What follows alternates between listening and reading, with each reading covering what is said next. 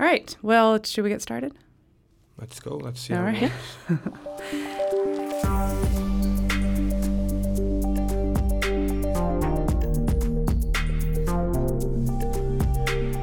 the heavy handedness of Russia actually goes some way to explaining why Ukraine turned to the West.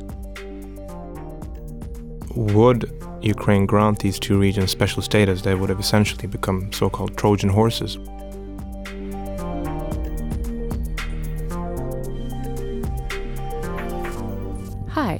This is a special edition of the FOI podcast.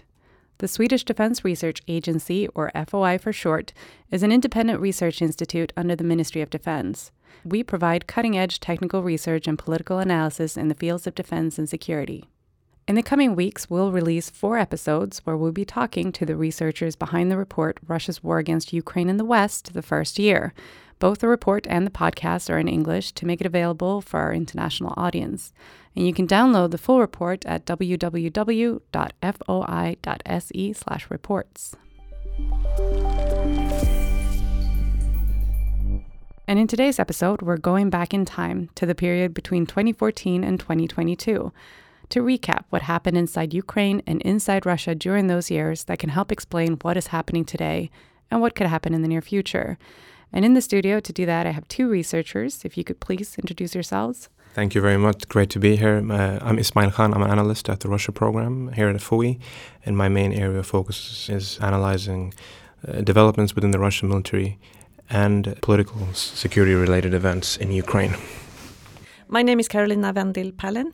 Um, I had the Russia project and I'm a deputy research director at FOI. I mainly focus on Russian domestic politics, Russian security policy, and Russian cyber policy. And I want to start with you, Ismail. You've written a chapter in this report called Consolidating Ukraine, where you start with these massive protests called Euromaidan in Ukraine. What happened, and why is that a good place to start telling the story?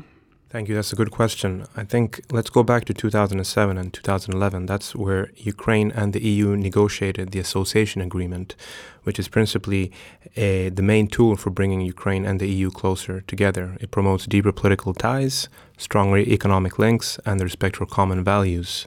So, 10 days before this agreement was supposed to be signed in autumn 2013, then President Viktor Yanukovych rejected the agreement. He did a complete 360 turn. Uh, as a response, massive protest ensued in the central squares of Kiev. Uh, one of these squares, which is the big main square, is commonly known as the Maidan. Uh, these protests, which then mm, developed into violent demonstrations, were the biggest ones since the 2004 Orange Revolution. And as the chapter will detail more, uh, Yanukovych left, his administration imploded and then the government in Ukraine was replaced by a pro-EU interim government, and this is where the as the chapter details, Ukraine's Euro-Atlantic integration intensified. It was a point. It, was a, a, solid turning point. There was no going back. Too much blood had been spilled. Carolina, you have co-authored a chapter called "National Security to the Fore: Fighting the West to Establish Regional Hegemony." How did Russia interpret events in Ukraine at this time? Well, I mean, for Russia, Ukraine is an essential part of its what it considers its sphere of influence or sphere of interest. And so this also means that Russia thinks it has a prerogative to decide which direction, both domestically but also in foreign policy, Ukraine is allowed to take.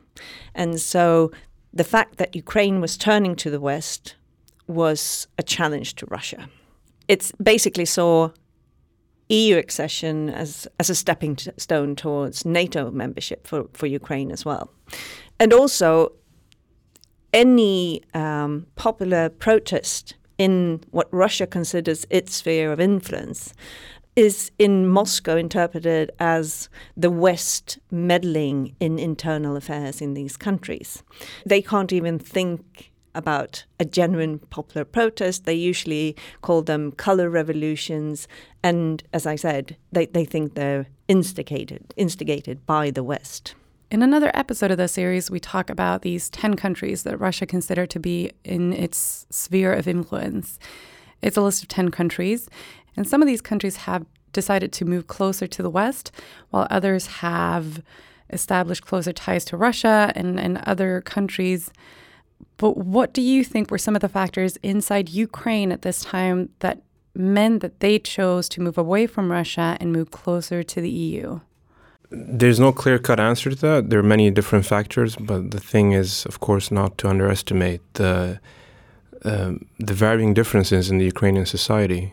Uh, de- decentralized uh, civil society, uh, diverging interests, also a inherent uh, landscape for for the freedom of speech of saying how you feel like. Ukrainians are not afraid of taking to the streets. We've already seen massive demonstrations before the Maidan in 2004 and onwards.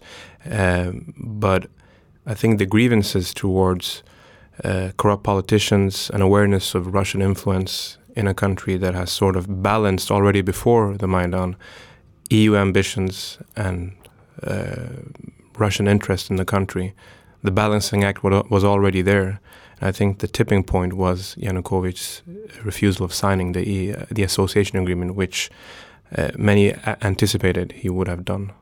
Yeah, I mean, I would say that for Russia, Ukraine has always been the jewel in their imperial crown, so to speak. So any attempts of Ukraine to move towards the West has always been met by, by quite heavy handed influence from Russia. I mean, even in the elections in, in 2004, that that was the same um, story. And you had the Orange Revolution and, and a Russia that that felt that the West had meddled in its sphere of influence uh, even then.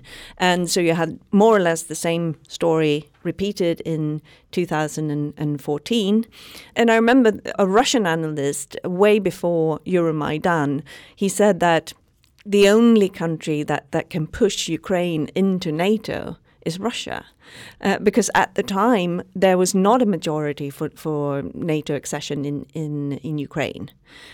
So I, I think the heavy handedness of Russia actually goes some way to explaining why Ukraine turned to the West.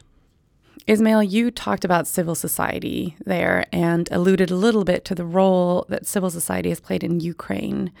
How important would you say civil society has been to the development inside Ukraine?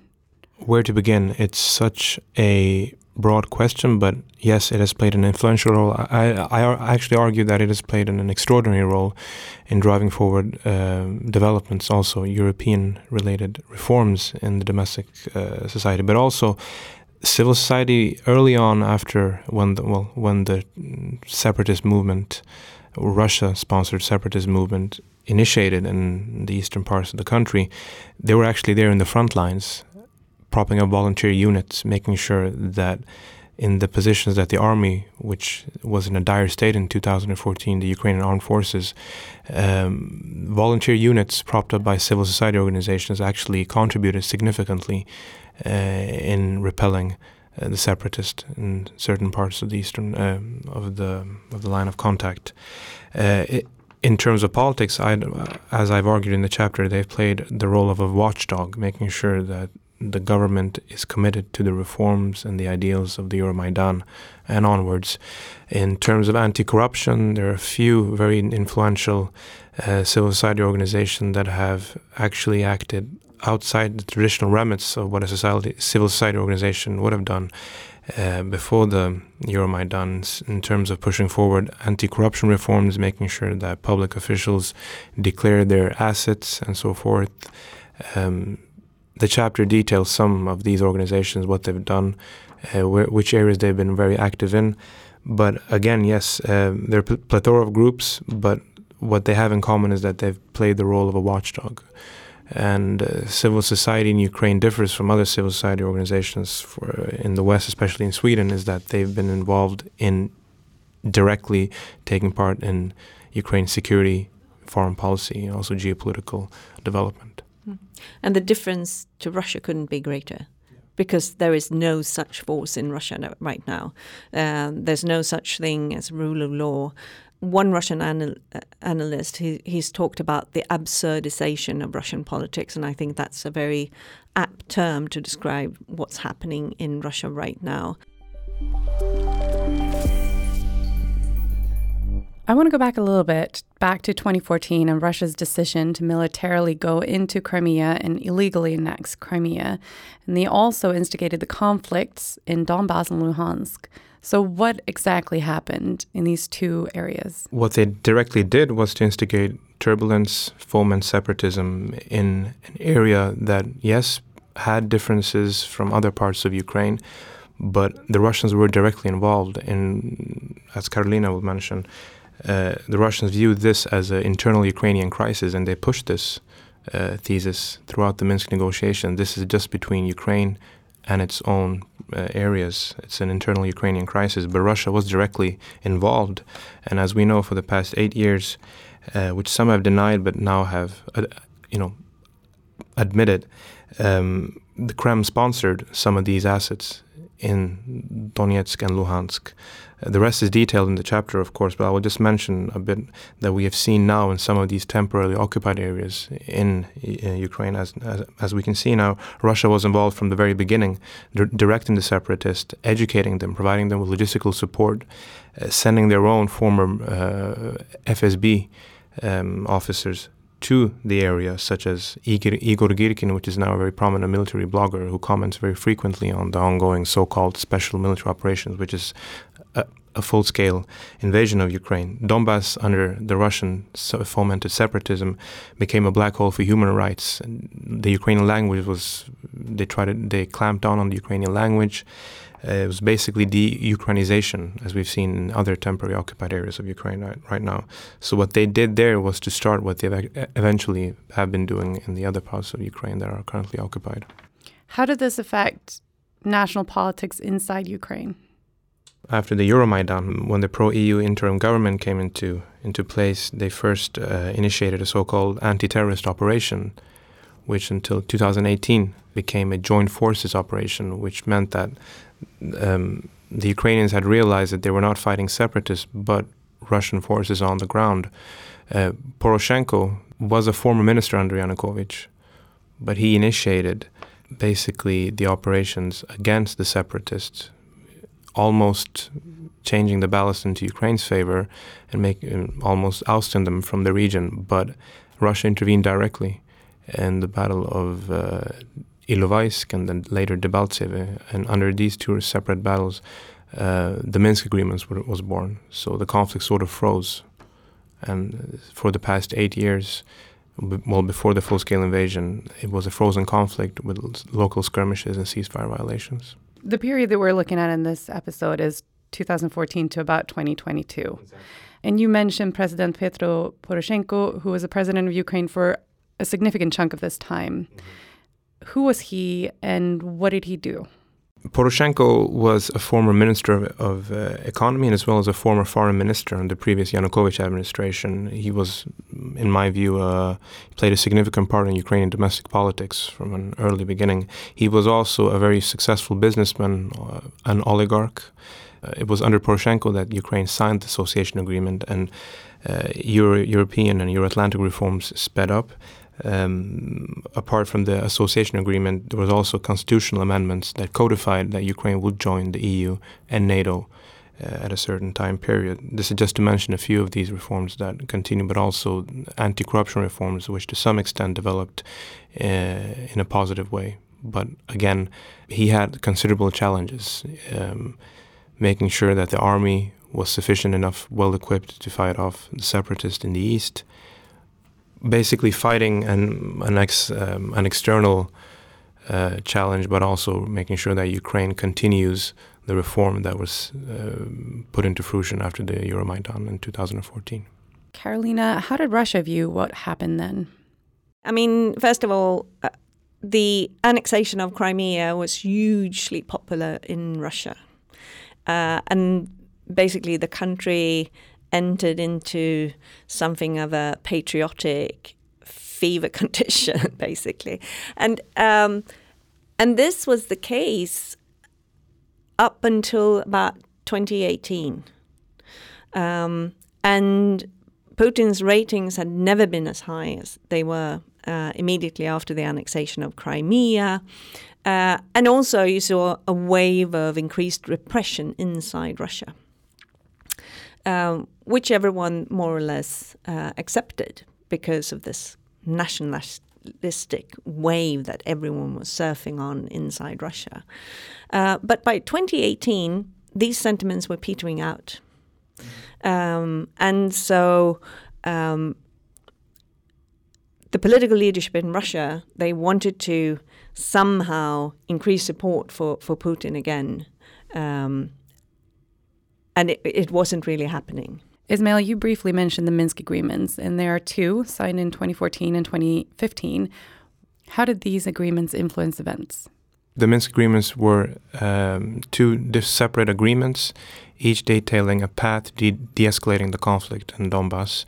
Uh, the, the first two were signed under the Poroshenko administration, and they basically uh, reflected two diverging views from Moscow and Ukraine on how to settle the conflict in Donbass. In Moscow's view, this was a internal Ukrainian crisis, uh, and the two regions should be granted autonom- an autonomous special status, in which required that Ukraine would modify its constitution. Ukraine, on the other side, said that we would grant them decentralization, that this was not an internal crisis. It's a very complicated two set of agreements um, but basically, they f- essentially froze the conflict. For Russia, uh, Minsk 2 was always about controlling Ukraine. Exactly. Maintaining control over Ukraine as an essential part of its sphere of influence. Exactly. And just before the, the uh, renewed invasion in, in February uh, 2022, uh, one of the things that Putin says to his Security Council is basically that uh, the Minsk agreement is dead. We're not getting what we want from the, the Minsk agreement. And so the decision on the 21st of February uh, 2022 in the Security Council is to recognize the so called People's Republics of Luhansk and Donetsk as independent states. Exactly. And during the Minsk agreements and during this time uh, frame that I have analyzed, uh, would Ukraine grant these two regions special status, they would have essentially become so-called Trojan horses, which have effectively have would have hindered Ukraine's westward orientation. They would have had a, an increased say and an increased weight, and they could have blocked uh, the reforms that would have brought that Ukraine envisaged would bring them to, to a EU membership and NATO membership as well.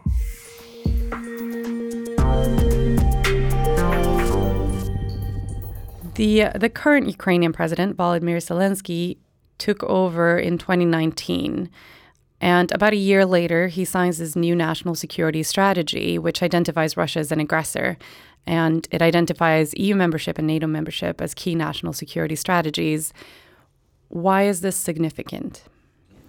Well, let's go back to how Zelensky came uh, to the presidential uh, quarters. He came to power on a platform of peace and reconciliation. He was a complete outsider, detached from traditional Ukrainian politics. Uh, he, he was, at the beginning, a very successful businessman and also an actor. He had actually lived and worked in Moscow. He was popular as well in Moscow. He had attended several shows, especially New Year's shows. People knew who he was. But he promised to initiate a dialogue with Russia on resolving the conflict in Donbass.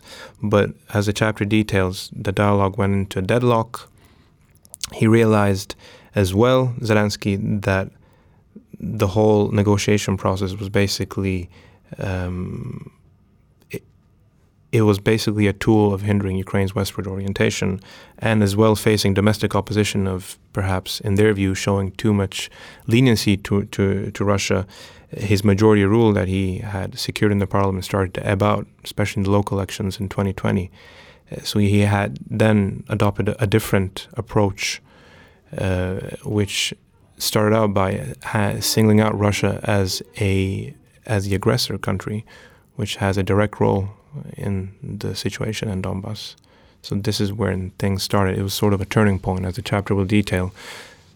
Um, Zelensky and his administration began to tackle Russian interest in Ukraine, such as uh, sanctioning pro-Russian uh, TV channels, which were spreading disinformation about uh, the Donbass, but also about how the Russian language was forbidden in the streets of Kiev, which is complete nonsense. Um, but um, yeah, these are some of the details that I have begun to mention in the turning point of the chapter. How did Moscow view President Zelensky? Well, I think Moscow um, underestimated Zelensky. Um, they saw him as an actor, as a dilettante in, in politics initially, um, and they probably thought that they could um, direct him more than they actually could. And that was a source of disappointment for, for Russia. Roughly during this time in 2021, Russia also signed a new national security strategy. What is significant about that? It, it was a document that we expected because they have a, a schedule for how they renew their central security documents. It wasn't uh, a massive turning point in Russian politics. It, it, was more a matter of degrees and of turning up the temperature uh, somewhat. It was clear that Russia was bracing itself for a very prolonged conflict with the West. That was the main message, I would say.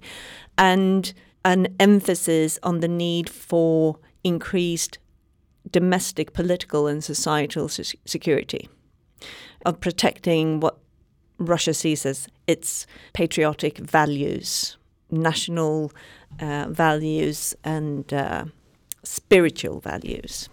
But it was also uh, a strategy that continued to, pl- Uh, to place emphasis on the need for socio- socioeconomic development. And it talks about the ambition of making a technological leap so that Russia will not fall behind in, in the global technological race.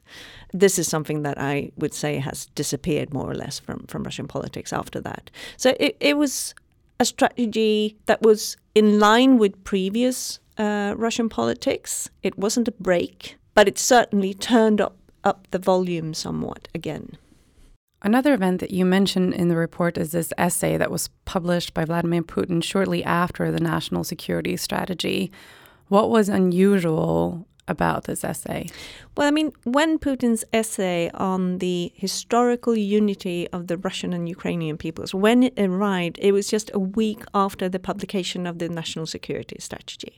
It certainly raised a lot of questions I think many analysts wonder what was this? Why did it come almost as an appendix to the national security strategy? The message in this long text, I mean, it's an historical essay, and it's basically how you should never write history. It's cherry picking facts from history to prove the point that Putin considers the Ukraine an artificial state it was more or less created by mistake as a result of an administrative decision. And if you get through the the whole history part, the last few pages is where Russia, where Putin says a number of times that Ukraine has become an arena for a Western anti-Russia project. I think that's the most important message in this essay, and it sent the the clear message that there was a change uh, in Russian uh, politics.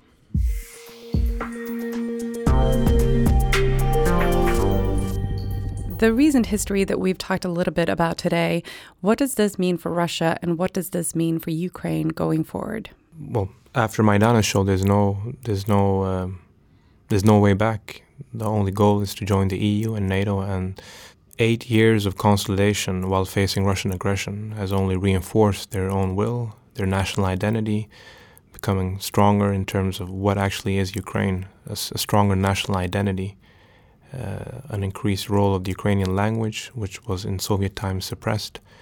Um, there are a variety of factors that is, has been pushing Ukraine, as, and after the full-scale invasion has even sought to push Ukraine, the motivation to joining the West because that's the best insurance they have against uh, against Russia and Putin. I mean, war changes countries. And and one of the great mistakes uh, of the Russian political leadership was that they didn't realize how much the ongoing war for eight years had changed Ukraine and turned it into more of a nation and also a, a country that had uh, built a military um, that was much more efficient than the one they faced in, in 2014. So Ukraine had changed. Uh, but I think we are at risk now at underestimating how much this war has changed Russia in a year and a half. Um, and so we see a Russia that's much more militarized. Uh, repression was considerable, political repression was considerable even before February last year. Um, we now have almost complete censorship in Russia. This is a country where um, where Russian citizens are denouncing each other again, like in the in the worst of the Soviet era. Um, we have pupils denou- denouncing their, their teachers, people denouncing someone they sit next to on the metro for what they read in their phones. Um, you can um, end up in trouble for just liking something on uh, a social uh, network. So repression and political surveillance has increased dramatically uh, since February last year. Um, and you also see a Russia that's now reintroducing military training in schools and ideological education in universities. So it it is a Russia that has changed massively. And that will be the final words of this episode. Thank you so much for coming here today, Ismail Khan and Carolina Vendil Pallin.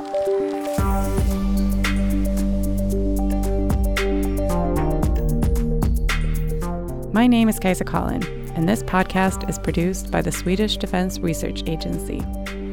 Maybe you want to know more about how Russia's war against Ukraine has affected the Russian economy, its military capability, or its position as a leader in the region. In this four part series, I will be talking to the researchers behind the report Russia's War Against Ukraine in the West the First Year. To find out more and to download the report, visit www.foi.se.